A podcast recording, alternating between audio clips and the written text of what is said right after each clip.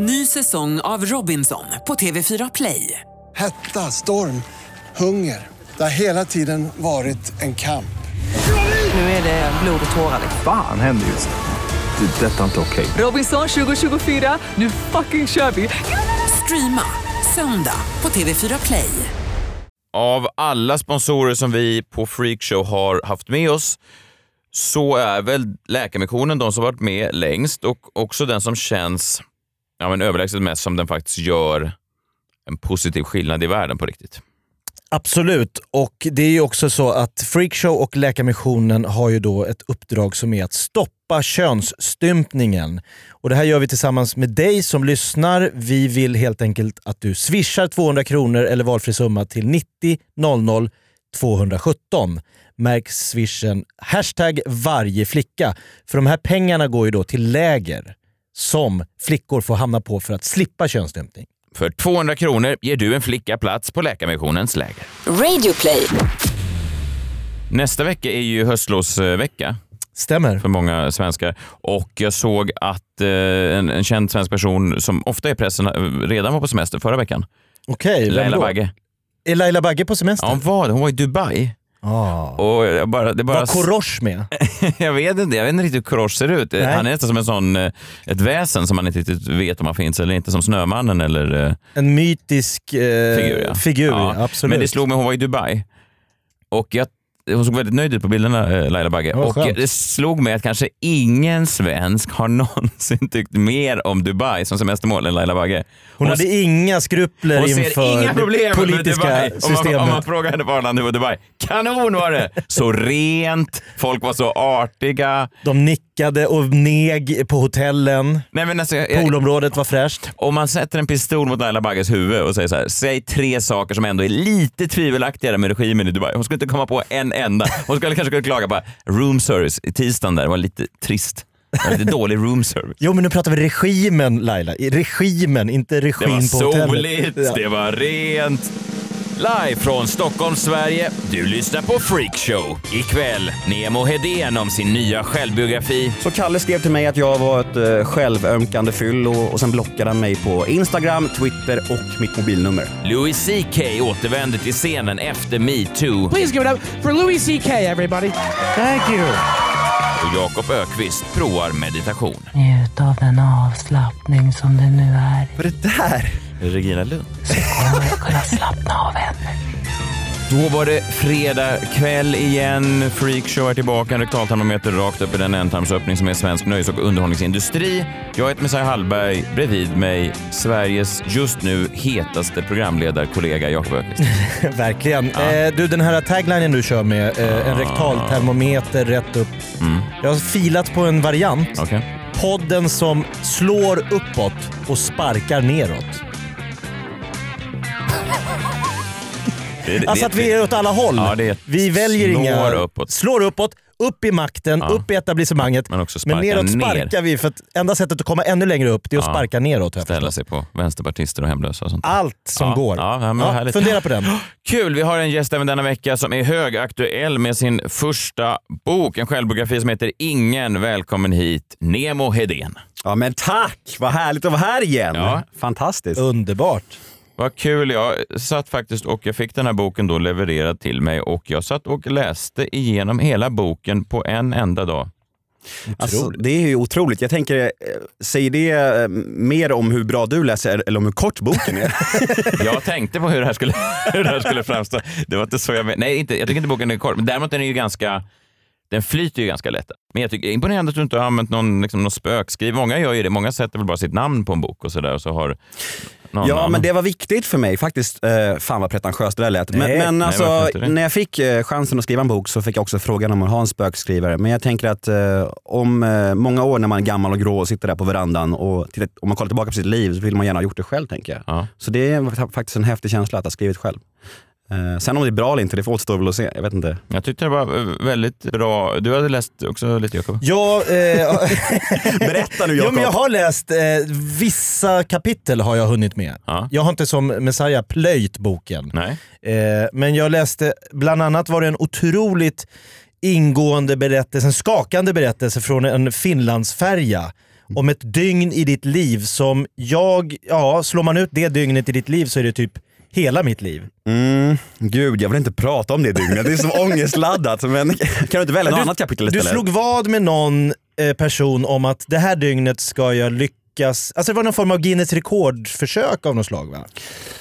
Ja, Det var ju inte en, det var, inte en Guinness-inspektör på plats. Det var inte som farbror brittisk man med med mustasch i kavaj. De stod på så här Plommon silja. stod, okej, ready, steady, go! So one more time, what will you try to perform here tonight? Yes, I will. Guinness record book, nej men alltså... men inte engelska nu igen Nej, Jakob. nej, nej, förlåt, Hur förlåt, fan gick förlåt. det sist? Nej det gick inget bra. Rekord, du slog ett rekord, eller var det ett inofficiellt rekord? Vad försökte du slå? För Nej men så här var det, jag vet inte, jag och Jocke, det här är så jävla bisarrt och när jag pratar om det idag så skäms jag lite över det men vi ville prova vårt kändisskap och, Ja. och jag eh, åkte på en partykryssning och eh, Bra Ja. ställe att testa ett kändisskap på. Ja det kan man säga. Och, och smällde i mig eh, en gubbe tjack och en Viagra och så skulle jag ligga med så många tjejer jag bara kunde. Det var tanken liksom. Och så gjorde jag det.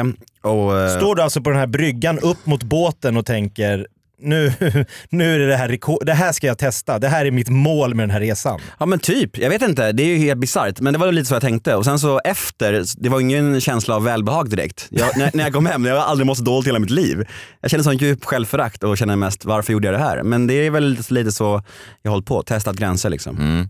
Man ska väl vara tydlig med att boken är ju alltså, jag känner mig ju eh, både tacksam för mitt liv men också som att jag missat en del i mitt liv. Nej men alltså, den här. Nej, men, det- det- Vadå, har du inte gjort den här typen av kryssningar? Nej det har jag inte gjort. Bland annat. Och det tror jag, jag vet kanske inte att jag vill göra, men jag, jag tänker att du har hunnit med väldigt eh, mycket. Det är en ganska mörk bok emellanåt. Ganska, väldigt mörk eh, i många Mm. avseenden. Och du berättar ingående om både drogmissbruk och sexmissbruk och relationsmissbruk och, och, Mm, och sådär. Och det är ju lätt att såklart skratta åt en sån där eh, någon slags knullkryssning. Eh, Men det finns ju också ett, alltid finns ju något, något mörker i, i hur du har levt ditt liv som jag tyckte var intressant. Jag kände att jag ibland påstår att jag har eh, liksom mörker i mitt liv, men sånt här mörker har jag faktiskt inte. Det är lätt att skratta åt så här i efterhand liksom, såklart. Och jag, och jag är väl väldigt noga med att poängtera så att halva boken ska vara väldigt mörk och halva ska vara ljus. Mm. Alltså prata om jobbig barndom och sen prata om hur fint allting är idag. För att, att, alltså många har skrivit böcker som bara är misär och jag vill ändå liksom någonstans inspirera och, och sprida lite hopp bland folk som kanske har det jävligt jobbigt att det kan bli fint.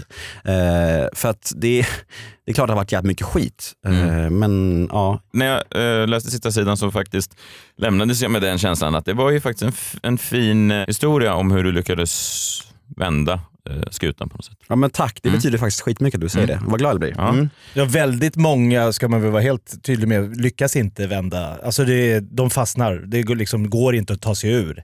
Nej, men Framförallt då alkohol och drogmissbruk. Så är det ju. De flesta som hamnar i missbruk eh, dör ju eller Ja. hamnar på dårhus eller bårhus. Det är så det ser ut. Så jag är ju väldigt tacksam att jag tog mig ur det. Liksom. Så ja, äh, det, det känns stort faktiskt. Mm. Verkligen. Eh, sen var jag ju också fascinerad, bläddrade igenom eh, då eh, först här tänkte så här, nu ska vi se här vad, vad, som, vad som står om, om mig då. Och eh, du, ah! jag ska säga, under Vadå, du nämns inte? jag ska säga ne, eh, kapitlet Nemo startar en podcast. Kan jag bara läsa högt här. Eh, nej, nej. Jag startar en podcast. I början är det svårt att få gäster. Det är inte många som vill förknippas med Nemo Hedén. Jag kan heller inte klandra dem. Ja. Men jag får tag i några namn, några kontakter jag knutit under kungarna av Tylösand-tiden. Jag vill inte nämna alla namn, men toppnamnen var Aina Lesse, det vet du, Jesper Fröjd, med flera. Med flera? Är det, är det jag? Det är jag. Ja. MFL. Men jag kan ju inte nämna dig där. Det blir konstigt. Jag vill ju nämna de svaga namnen i början. Jag ber om ursäkt. Ja, visst. Eh, nej, men kul. Jag tänker också när jag läste den här att det är ju det är en väldigt rolig eh, anekdot om Kristoffer Triumf i den, på podcast eh, Skaparen av Värvet. Mm. Just det. När ni sitter på någon, eh, ja, lite upp och ner. Du beskriver honom som lite dryg ett tag och lite, sen lite vän, att ni vänner. Och så var det någon anekdot när han, ni satt på något fik och så skulle någon komma fram och hälsa på honom. Vem var det? Det var... Det var Martin Stenmark. Ja. Eh, Jag och Kristoffer Triumf satt på Nytorget 6 och skulle käka lunch och han ville väl bjuda, bjuda mig på lunch och be om ursäkt lite för att han hade varit lite dryg och kort när jag intervjuade honom. Så vi åt lunch och han var trevlig och hyllade mig för min podd med Christer Henriksson och var väldigt fin mot mig. Så här. Och då kom Martin Stenmark på andra sidan gatan och, och vinkade mot oss och då ställer sig Triumf upp och bara Martin, Martin! Och då går Stenmark emot oss. Fast han går förbi oss. och krama personen bakom oss Aj, istället. aj, aj, aj. Den där, det är Ja. socialt stigma. Ja, men det är det ju. Eh, Och jag tänker det är, det är en del sådana där historier om, alltså inte elaka historier. Fast det där är väl inte elakt egentligen? Nej, fast Nej. Det, det jag tänker är också att om det hade berättat en sån där historia om mig, Mm. då hade jag ju eh, blivit vansinnig. alltså. Nej, vad fan säg inte så. Nej, men jag tror att det, är, nej, men det här är ju människor med så sköra egon. Det behövs så lite, det är så svårt när man skriver om någon. Jag vet bara om någon nämner mig i en podcast. Jag, jag hatar, alltså om Filip och Fredrik nämner mig med dåliga ordalag. Så fort någon nämner Filip och Fredrik så bara de där jävlarna. Alltså det sitter ju i en, så att jag tror att, har du kollat med folk? Alltså det där är ju så svårt. Är det Man, någon som har tagit, det är ingen som du ändå vet har tagit illa upp av någonting som står i boken. Det kan vi i alla fall säga. Det är ingen som har gått ut och liksom bara, Vad säger du om mig? Hur kom det här fram? jo, det är skönt Jaha. att ingen har reagerat så. jo, men det var faktiskt någon som hörde av sig häromdagen. Eh, ha- producenten för Kungen av Tylösand eh, var lite arg på mig. Eh, Kalle, Ja. en gammal gäst här ju. Ja, Ja, absolut. En gammal vän till mig också. Ja. Eh, och han hade väl förmodligen fått ett samtal från eh, kvällstidningarna som har fått varsitt exemplar av boken. Eh, och han var arg, han tyckte väl att det var mycket som stod i boken som kanske inte stämde och sådär. Jag vet inte. Alltså, inför den här boken så träffade jag castingansvarige för Kungen av Tylösand och gick igenom sak, inspelningen så här, och pratade om hur det var. Vi liksom så här, rensade luften helt. Och hon berättade en massa saker som jag inte visste om. Eh, och jag har skrivit om det här. Liksom. Eh, och jag ser inte hur hon skulle ha någon anledning att ljuga om någonting. Liksom. Ja. Så Kalle skrev till mig att jag var ett uh, självömkande fyll och, och sen blockade han mig på Instagram, Twitter och mitt mobilnummer. Det var Det ju gick snabbt. Det gick snabbt. Kan man, En alltså, man, tydlig markering. kan man blocka mobilnummer till och med? Ja, det kan du säkert. Men det är inte här, jag menar också lite grann att, att oavsett hur, vad som står om, det är svårt det där att ta åsikter, det blir så hårt i en bok också. Du Ja, men menar, det- även om du inte, alltså, jag, jag läste ju de här kapitlen då och jag, jag kan förstå också från hans perspektiv att han är så här, men jag är inte, det här är inte jag. Mm. Han pratar om en annan person. Nej, men man måste väl ändå också se det som att varje person har en subjektiv... Eh, livet upplevs från sitt eget. Liksom. Och Nemo här nu då redogjort för hur du upplevde den här situationen. Mm. Det måste man ju få göra. Sen om han har en annan uppfattning och en annan bild av vad som hände, då har han ju alla möjligheter i världen att gå ut med. Idag är det inte så att man inte kan nå ut. Mm. Det här är din upplevelse, det här är din berättelse. Jag, jag, folk kan inte gå runt och känna sig så oerhört kränkta över allt. Som, men så här, du får inte bli kränkt för det där med MFL, att du var med flera i Nemo Hedéns jag ska inte poddredogörelse. hata honom nu. Men... Nej, ska jag absolut och inte blocka honom på alla sociala medier och telefon. Nej. Men Saja, du får inte vara kränkt av att Jesper Fröjd är kändare än vad du är. Ja, vill, du, vill du att vi ska spela in? Eller? Yes. Fröjd, vad gör han idag? Var det? det var han som vann Paradise Nej, det var väl han som var lite äldre. Han var väl 35 när de andra var 20. Så, så, så här, kröp han ner i, i tjejers sängar och, och ingen ville ligga med honom tror jag. Det var hans Det är grej. ingen bra roll i en dokusåpa. Den äldre som kryper ner efter lamporna har släckts, men sen kryper därifrån igen. Nej, det är bara sådana här eh, gröna mörka bilder fast det är inget knullande. Det är bara en kille som försöker så här leta efter sina kontaktlinser. Kryper runt på fyllan. Ja. Ja, det är deppigt. Men det märkliga var ju att när Jocke släppte sin bok Mhm. för ett drygt år sedan. Pratar vi om eh, han som, eh, the artist formerly known as Jockiboi? Precis, Ja. Joakim Lundell, Ja. eh, min gamla vapendragare från Tylösandtiden. När han släppte sin självbiografi för ett drygt år sedan, då eh, blev Kalle arg på honom också Mhm. och började skriva arga saker till honom. Men skillnaden där är att Jocke har så mycket makt och så mycket följare och inflytande att han käftar emot och säger så här, hörru, passa dig, ja, det här är min story och jag måste få säga vad jag tycker. Och då bad Kalle honom om ursäkt. Men så mycket följare har inte jag, så mig kunde, kunde Kalle behandla som liksom så här bara luft. Och Ja, bara, jag förstår. Jag det förstår. är lite Du smärtsamt. har ingen armé av eh, followers som kan jaga Kalle ut Nej, ur stadsgränsen. Men jag har Jocke och Jocke säger bara, säger bara, säger bara ge, ge mig bara en signal så slaktar jag honom. Oj, jösses. Hoppas han inte lyssnar på den här podden. För då kan jag ligga illa till. Du ligger väldigt illa till. Då, då är jag lo- lo- långt under Jesper Fröjd. Då ska jag vara nöjd om jag ens nämns i samma andetag som Jesper Fröjd. Mannen som kröp runt på alla fyra när lamporna hade släckts. Men det var ett kapitel till som jag tyckte var intressant i boken. Det var alltså det här, jag menar du pratade ju ganska öppet om eh, domen som du hade eh, emot dig tidigare Mm. och eh, hur du då, alltså du sökte ju vanliga jobb efter din eh, kändisperiod. Mm.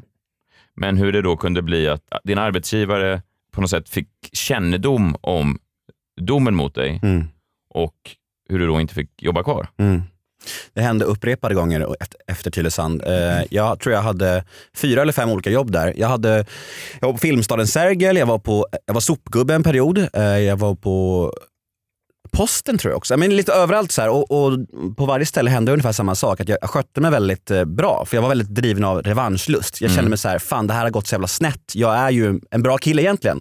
Och ville väldigt gärna liksom visa upp mig och vara punktlig och försökte sprida bra, bra energi. Och vart jag än kom så sa också folk så här, men vad fan du passar jättebra in här och var väldigt positiva.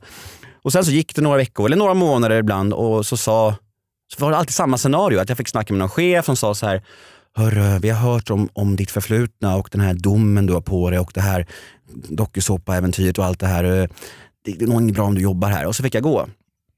Och det är ju så här, för mig, för mig skapade det någon slags känsla av uppgivenhet att jag ändå inte hade någon chans någonstans. Så det var, jag, Att det spelar ingen roll hur mycket jag tar och zonar mitt brott. Liksom. Nej, exakt. Jag, jag, liksom så här, jag hade en så- sån uppförsbacke och jag, och jag kan säga att jag knarkade otroligt mycket på uppgivenhet. För jag kände att jag hade ingen chans ändå. Jag kan lika liksom knarka to the bitter end på något sätt.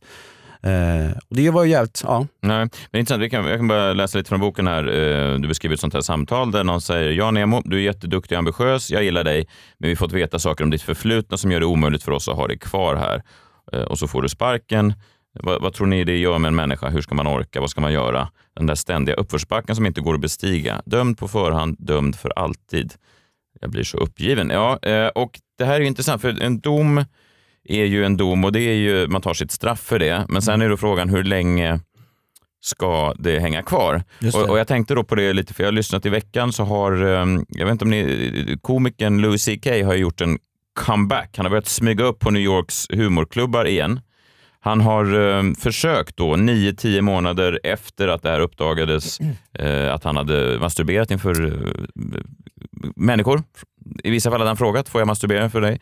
De säger, eh, ja okej, visst. Och sen så gör han det då. Och vad jag har förstått när han har klivit upp på de här scenerna i New York så eh, vissa är glada och applåderar och vissa lämnar lokalen. Vi kan faktiskt ta och, och lyssna på hur det lät, för jag tror att det här är att det nu har kommit ljudklipp för första gången från hur det lät när han för första gången klev upp på Comedy Cellars eh, scen igen. jösses. You say, yay! I'm actually really excited. There's no need for an introduction. You know who this guy is. Please give it up for Louis C.K., everybody. Thank you. Det har släppts två eh, poddar i, i, i veckan där då Comedy Cellars ägare Noam Dwarman eh, gästade. Dels en New York Times-podd som heter The Daily, väldigt intressant, och sen även eh, Slates The Gist. Båda två intervjuar då ägaren där han då får motivera varför han ger den här scenen. Ta tillbaks till den här Louis. komikern scen. Men Man hör ju också att den här MC'n, konferencieren, har ju någonstans fått bara så här, på med mig så fort som möjligt. Håll inte på att prata om, okej nu är han tillbaks, det har gått en tid, ni vet vad som... Utan han bara så här, okej, här kommer Louis CK! Det är så här, supersnabbt upp på scenen. Ja, men, men det är ju rätt intressant då, för han har ju fått mycket skit nu och den grej de har gjort då eh, när han först klev upp var ju att, att vissa tog illa upp och många har sagt så här, kvinnor som hör det här, känner inte de sig antastade nästan att han bara överfaller? Och då har de en ny policy nu att de säger eh, på den här klubben kan vem som helst dyka upp. Om du känner dig liksom hotad eller att någonting är obehagligt eller att du inte är tillfreds med de som står på scen så kan ni bara resa er upp, säga tack, vi vill ha våra pengar, tillbaka, vi vill inte betala för det här och så är de välkomna att gå. Det är en ny grej. Det måste stå att folk förstår. Liksom, Ja, men det står nu. De har lagt till det nu efter att han har fått så mycket kritik. Jösses. Men jag tycker ändå det är en intressant grej. Jag kan se båda aspekterna av det här. För han fick ju ingen dom emot sig, ingen legal dom. Alltså det var ju inte att, han dömdes ju inte i något Det väcktes rättsväsende. inga åtal. Nej. Men då är domen kanske ännu mer långvarig. Ja, vi kan lyssna lite på den här intervjun. Det är ett ganska långt klipp, men det är ganska intressant. Det här är då ägaren eh, av Comedy Cellar som pratar om eh, hur han resonerade eh, kring Louis CKs återkomst. Other people were just upset that he should ever work again. But one guy said he was a comedian. And I'm like, okay, when do you think he could come work again? He's like, never. I'm like, never? He says, never. I said, well, could you imagine any court of law handing down such a sentence? You know, never work again? This is an admittedly provocative question, but I wonder, as the owner of his place, what you would say, particularly to a female customer who is But, here. but, funny. Uh, but, but, you know, I know when Bill Clinton, who was credibly obviously accused in Juanita Broderick, I mean, I think nobody will expect a warning before he shows up somewhere. Like, why were they cheering Roman Polanski as they were for years Why were they giving him standing ovation? The, knew the director accused of sexually uh, abusing a young. Not accused. He, he did it. But behind all these people you're mentioning, Roman Polanski, the film director, Bill Clinton, the president, Louis C.K., the comedian, is someone who gives them a stage. And in this case, that's you. Yes, but but it, it's not unusual to expect some consistency in the world. Mm, han nämner lite andra namn och här kan det kännas lite som att han kanske skyller ifrån sig lite grann. Eller vad känner ni? Men alltså skulle det vara samma sak om det, var, om det inte var en av världens största komiker? Alltså hade det varit annorlunda om det var en halvstor komiker? Det är jag ganska övertygad om. Visst hade det det? Det var ju lite så, hade, jag menar, det kan man ju bara se i fotbollsvärlden. Cristiano Ronaldo han Mm. spelar ju fotboll. Mm. Alltså, hade, det var ju en kille i Malmö som, som blev dömd för... eh, Just det. eh, han, han låg väl också med, Med en minderårig. Med en minderårig. Och han fick ju sparken direkt. Alltså Mm. det, var inga, det var inte, alla sponsorer var inte så nej, han får köra på.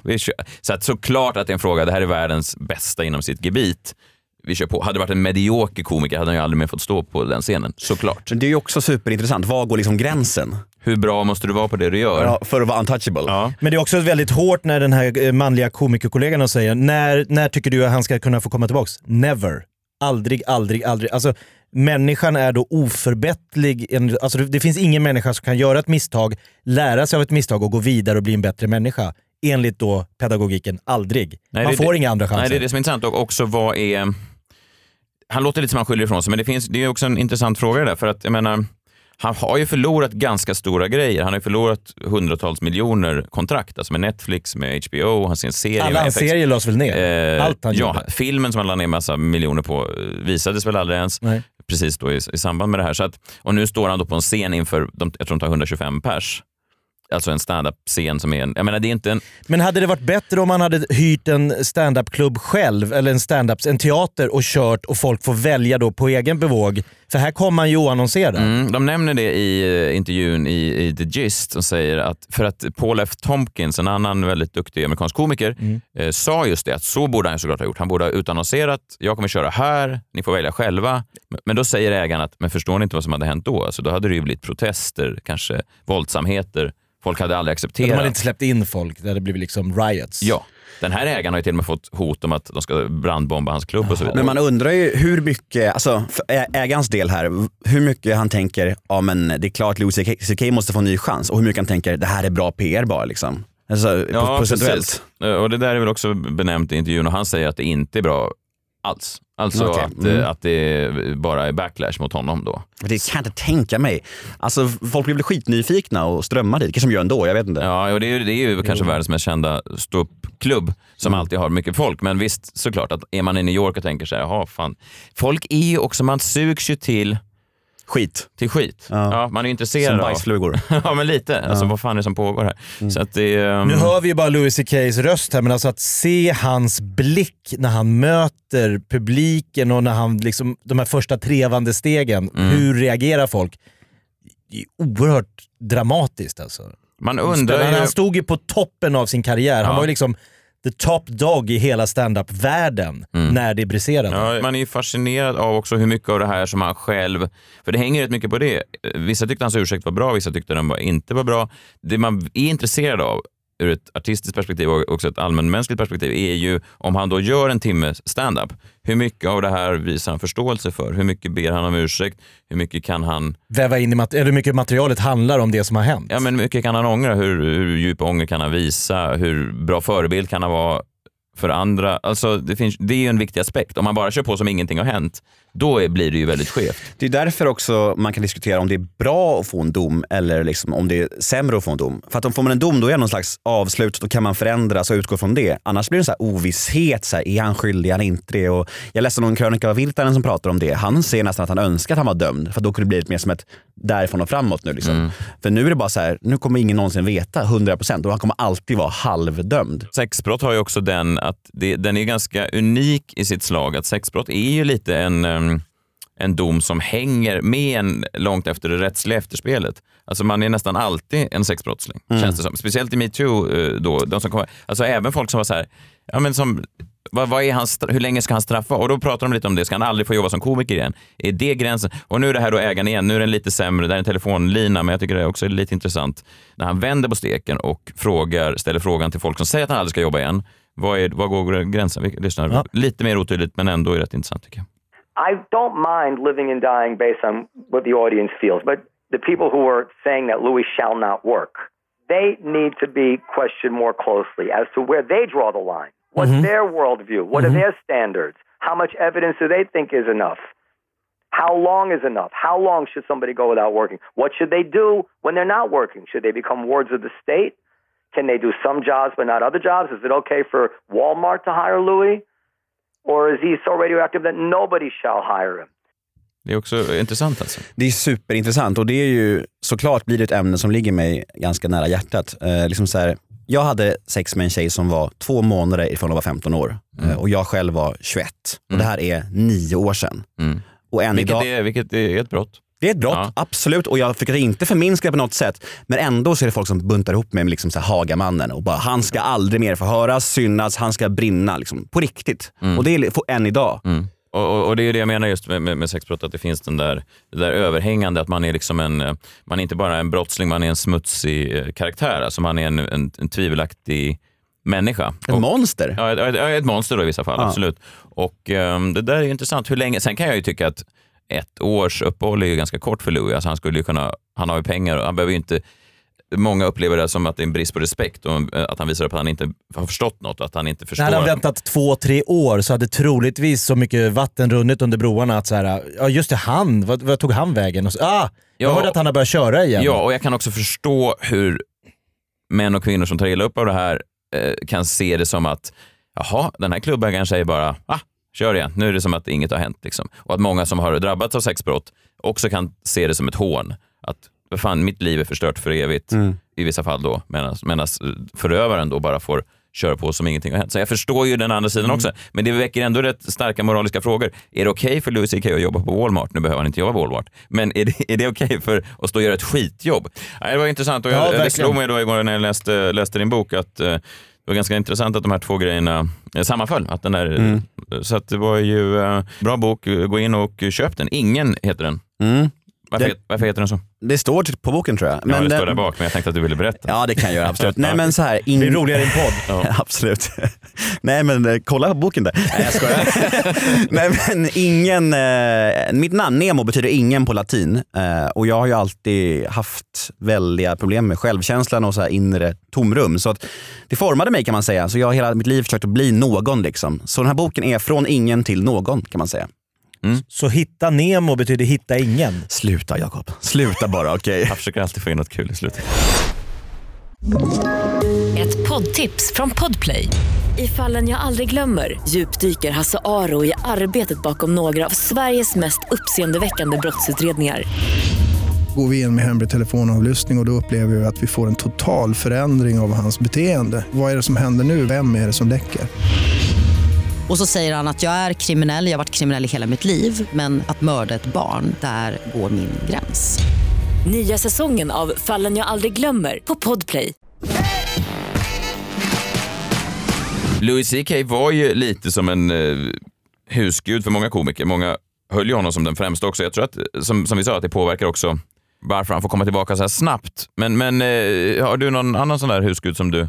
Nej, har, man har ju haft husgudar genom åren som varit lite som, jag vet inte om det är någon om det är bra eller dåligt, men man har lite role models. Man tänker så här, så där ska jag försöka leva lite mitt liv. Ja, ja, precis. Då, var ju, då får man ju vara tydlig här. Louis CK var ju då det som komiker. Ja, du såg honom främst som den, liksom, ett komiskt geni.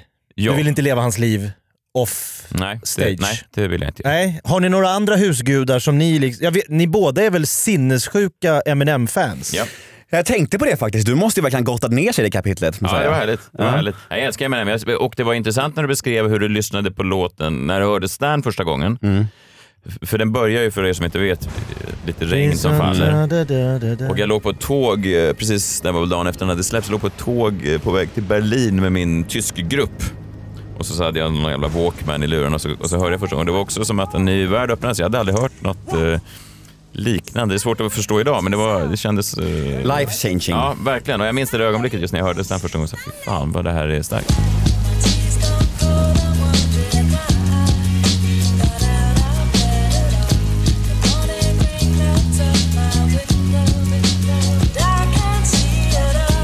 Men du blonderade inte håret Nej, inte för vägen. konserten Nej, nej. på Hovet senast. det gjorde jag inte. Det gjorde ändå du. Det gjorde jag faktiskt. Och det var ju inte Hovet, det var ju Friends Arena, Jakob. ja, men du var blonderad. Jag var blonderad faktiskt. Det är starkt. Ja, men vad fan, det såg ju inte klokt ut. Fy fan.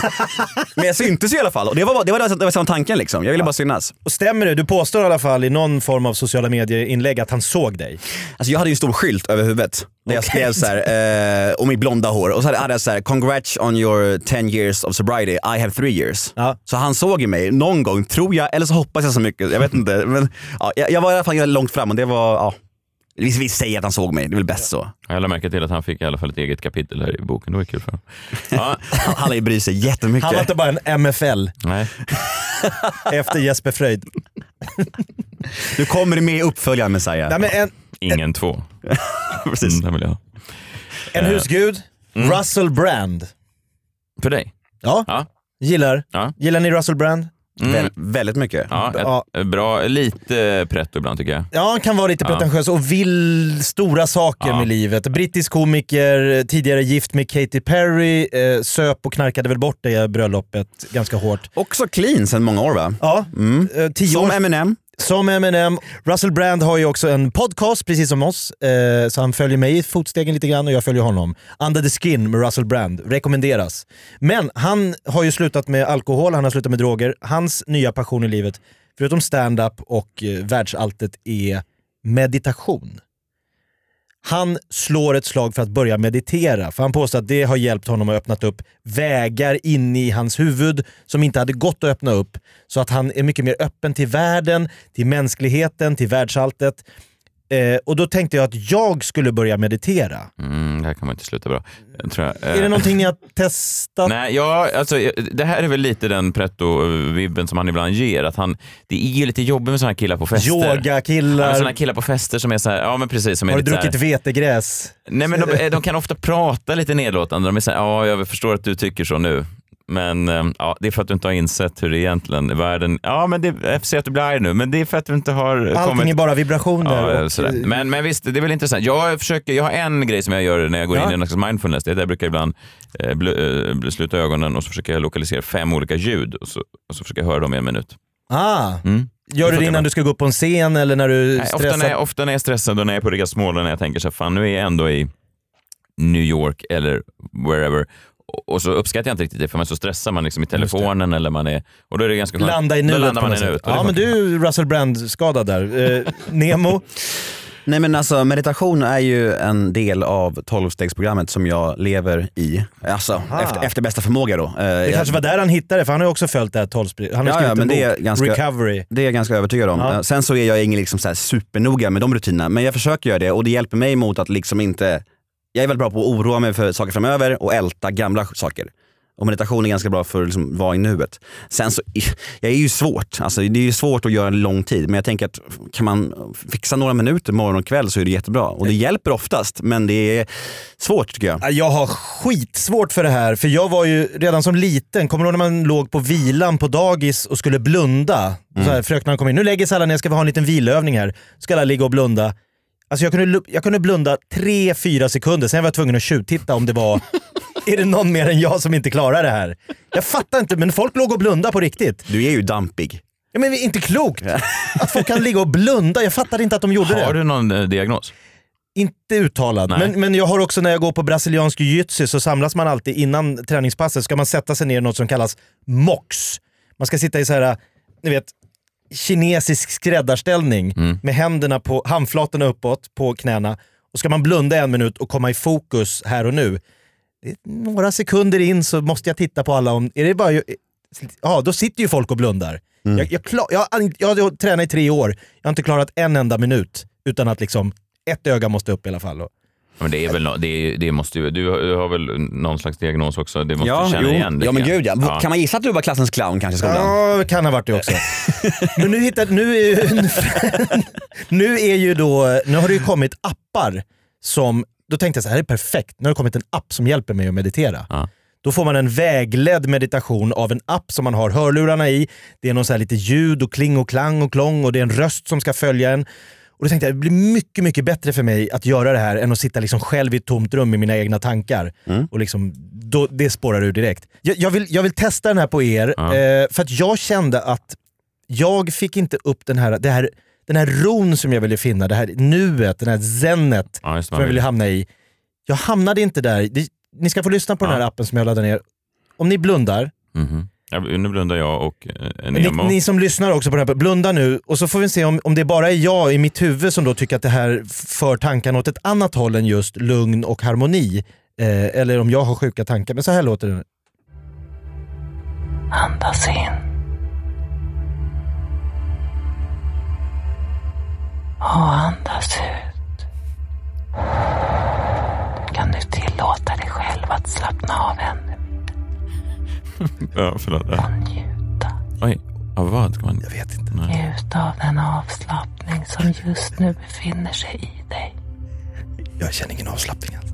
När du tillåter dig att njuta. Njut av den avslappning som du nu är i. Vad är det där? Regina Lund. Kunna slappna av ännu djupare. Åh gud. Djup. Mer avslappnat. Verkligen inte. Djupare. Hårdare. Hela din kropp. Oj. Jag blir... Är det verkligen... Ja, förlåt. Skönt. Skönt. Hårt. Och lugnande. Ja, alltså, Nej, jag, vet- jag, jag, jag, hamnar ju nästan på den här kryssningen med Nemo efter ja, den här. Ja, Alltså, det, jag, jag, på riktigt, det, jag kände lite vibrationer i min penis. Ja, då är jag inte ensam Nej, på jorden nej. av att inte riktigt hamna i det här liksom Nej, heliga buddhistiska... Nej men det, är, nå- det var någon slags var det någon Kamasutra-app. jag, laddade ner fel. Ta fram glidmedlet. Jag kommer oljar in sig. Jag ser att du tänker som jag. Va? Hur vet du det? Jag är inte alls i, i harmoni med den här appen. Alltså. Nej men det är ju Tre någonting... pojkar sitter och fnittrar åt en lus- lustig appa. Ja, jag vet. Ja, men, ja, ja, verkligen. Du kokar ner det till något väldigt banalt men, eh, men det var ju det som hände precis. Ja. Det var ju mitt försök att hamna i någon form av liksom, att hjälpa mig ner i ett nu och ett lugn som absolut misslyckades. Ja, ja, verkligen. Jag blev ju, eh, jag blev ju väldigt pojkaktig kände jag. Och, men det är ju att hon, det var inte Regina Lund, det lät som det. det, det kan vara. Hon har ju spelat in en sån där kärlekens språkfilm också, där hon pratar typ så här. Alltså, Ja, sån- alltså det kan vara gamla minnen som väcks till liv. Nej, jag tror att hon kanske också har tagit det här giget och, och, och förstått att det, hon förstår inte vilken typ av app det är. Alltså hon bara behöver pengarna och så läser hon in det med sin liksom mest erotiska röst. Så kan det vara. Eller, eller djupare, dju- det är konstigt. Hon vis, varför viskar hon det så konstigt? Hon, hon, ibland lät hon lite som en sån hårspundare också. Djupare. Lite så- lite så- monotont. Sådär hård nästan. Så att jag, jag, jag, Ja, det är ju också att rösten är inne i ens huvud och man Ja. känner sig väldigt utlämnad. Ja, ja, jag känner mig lite skamfull nu alltså, Ja. som sekunden efter man har... Ja, eh, Stått på scen. ja. Jo, men jag kan, kan inte du lämna en scen med skamkänslor? Jo, verkligen. Ja. Ja. verkligen. Eh, det kan sitta i ett dygn ibland. Men det där som du är på väg in där, det här med känslan efter man har kommit, att man känner sig så skamfull. Mm. Känner tje- tjejer så också? Nej, jag tror inte det. Nej. Orättvist. Ja, men det där hörde jag någon biologisk förklaring av om att det är liksom att mannen ska vid, som ett bi som åker från blomma till blomma. Så ska liksom... Så vi ska ligga runt, det är tanken då eller? Biologiskt. Ja, Men sen har vi fått moraliska och eh, samhället är inte uppbyggt på det sättet. Nej. Män ska vidare. Nej, ofta kan man ju eh, hävda att den, eh, den minuten efter, så att säga... Det är ingen höjdpunkt. Nej, fast man är också ganska klar i tanken. Eh, Jag hade en kompis en gång som sa till mig så här att om man har en riktig, alltså en partner som man verkligen vill eh, vara med, alltså om det är någon som man verkligen vill satsa med och leva ett liv med, Mm. då ska du då alltså onanera Mhm. innan du ska träffa den här personen. Du ska på en dejt, säg. Ja, ja. Då ska du onanera, Träffa ditt livs kärlek, då ska du först in. ja, in och onanera, Ja, ja. som man då. Ja. Ja, göra klart det. Och Göra sen, klart? Ja, men, jag, jag har lite svårt att prata sådär. Man ska inte avsluta halv... Nej, man ska köra klart. Jag är helt chockad. Messiah pratar sex. Jag blir helt Ja men det här är en spännande, men det var en kompis till dig som berättade. Kompis. Fullfölj. Nej men säg, Ja, jag vad ska man göra på Jag dejten låter sen lite då? som en robot som pratar om sex. Ja men det är bra. Onanera. Du har inte samma som henne. klart. Inte samma svung som Regina Lund. Nej, det har jag inte. Onanera. Nej, men man ska onanera så ska man onanera klart och sen då, eh, precis då den här minuten efter, om man då fortfarande vill gå ut genom dörren och gå på den här dejten, då är det då en partner man ska hålla. Ah, då är det värt det. Ja, för att annars är det bara en erotisk laddning och den vet man ju ganska tydligt att den kan ibland leda en i, i fördärvet. Va? Jag trodde du skulle säga onanera och så när man är klar den där, den där minuten, då ska man träffa den här personen. men det- Direkt. I den känslan. Men det är svårt att planera det. Hur ska man hinna det? när, när kommer det? Springa. 11.01. 11.02 säger vi. Eh, ja, men det här var väl också en, en lärdom om skam och eh, sex, droger och eh, rock'n'roll och litteraturtips och lite allt möjligt den här fredagen. Verkligen, skön Mm. blandning. Kul att du var här igen Nemo. Är det någonting som du vill tillägga? Jag undrar mest om ni kommer på releasefesten? Jag har inte fått någon inbjudan. Jag tror du glömde mig. Jag är efter Fröjd på F. H är efter Fröjd. Ja, just det, Fröjd tog den sista platsen, sorry. Men Fröjd ska berätta för oss hur festen Ja, var. men det är kul. Ja. Jag har typ inga gig eller någonting på, på gång så att ni kan väl, eh, ja, vi kan väl höras här nästa fredag helt enkelt. Eller? Skicka in kanske fler frågor. Vi ska göra någon frågepodd kanske. Ja, vi har fått många frågor. Många eh, har skrivit frågor på vår Facebook-sida som vi ska då försöka avhandla i nästa veckas podd. Eh, Men ehm, de handlar väldigt mycket har jag märkt om stand-up comedy Ja. och hur det är att stå på en stand-up-scen. Och det Ja. är kul. Ja. Men för folk som inte är så intresserade så bredda frågebanken. Så Ja, men gör det. Gör det. Eh, Gå in och rate oss på iTunes. Gå gärna med i vår Facebookgrupp. Den är härlig och lustig. Vi hörs nästa fredag. Tack Nemo, tack Jakob. Eh, Ja, nu tar vi helg. Det gör vi. Hej då! Hej! Dear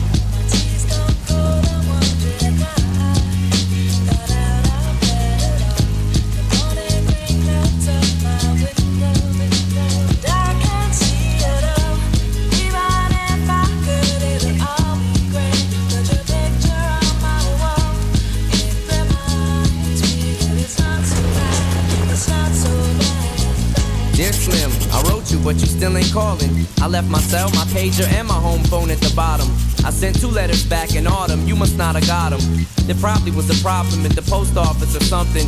Sometimes I scribble addresses too sloppy when I jot them. But anyways, what's been up, man? How's your daughter?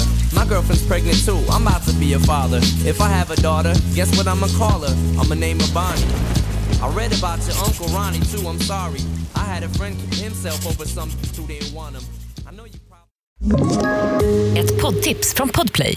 I podden Något Kaiko garanterar östgötarna Brutti och jag, Davva, dig en stor dos skratt. Där följer jag pladask för köttätandet igen. Man är lite som en jävla vampyr. Man har fått lite blodsmak och då måste man ha mer. Udda spaningar, fängslande anekdoter och en och annan arg rant. Jag måste ha mitt kaffe på morgonen för annars är jag ingen trevlig människa. Då är du ingen trevlig människa, punkt. Något Kaiko, hör du på Podplay. Därför är gardinerna.